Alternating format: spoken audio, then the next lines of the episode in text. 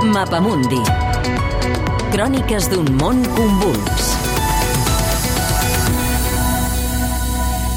Les fosses comunes de l'estalinisme a Rússia. 16 graus per sota del zero i l'Esvetlana Vladimirovna, amb 83 anys, avança sense guants. No vol els meus i em toca, té les mans bullint. És l'energia, diu. Ens acompanya com un arca un barri on ara creixen edificis de vivendes enormes, però nosaltres anem a un descampat encerclat per un mur. És una fossa comuna on el pare de l'Esvetlana va ser enterrat l'any 38, després que el matessin acusat de ser un espia. La filla busca el seu nom en unes plaques, on amb lletra petita hi figuren més de 6.600 persones.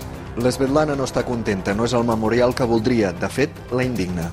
Мне было два года, когда я осталась без отца, без Quan матери. tenia dos anys em van deixar sense pares, sense mare i sense avi. Érem enemics del poble.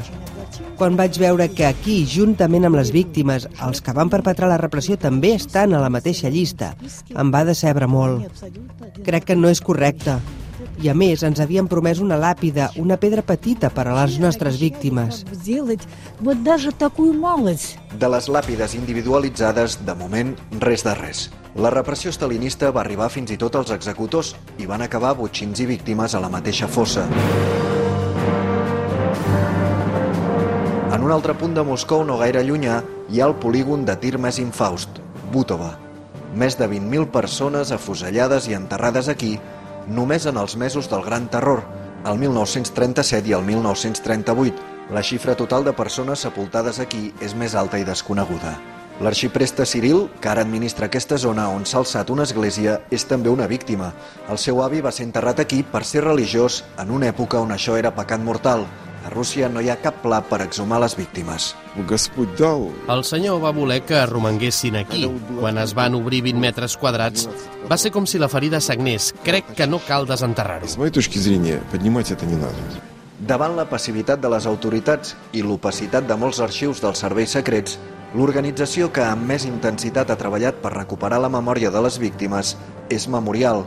El seu president, Jan Ratchinski, és també un afectat directe i ens explica el seu cas perquè entenguem com moltes persones van perdre la pista dels seus familiars, pensant, per exemple, que estaven detinguts en algun gulag. El meu avi el van afusellar el 38 i el 1956, quan va ser rehabilitat, ens van dir que havia mort al camp número 42 de pneumònia. I fins al 1989 no em van informar com havia estat realment la seva execució. I aquesta és una situació estàndard. És estandardna situació. No creu que mai s'arribin a exhumar les restes, entre altres coses, per la magnitud que va assolir la repressió. Hi va haver un milió cent mil afusellats i la majoria no se sap on estan enterrats. Per als familiars és important, com a mínim, veure'n el nom al lloc on estan enterrats. Fa dos anys es va fer Butovo i fa una mica més d'un any a Comunarca i en general a Rússia això s'ha fet a poques fosses. Putin ha ordenat a diversos organismes, com el Ministeri de l'Interior o els serveis secrets, el que abans era el KGB, que abans de l'1 d'octubre presentin una proposta perquè algun dia hi hagi a Rússia una llista única on figurin els represaliats.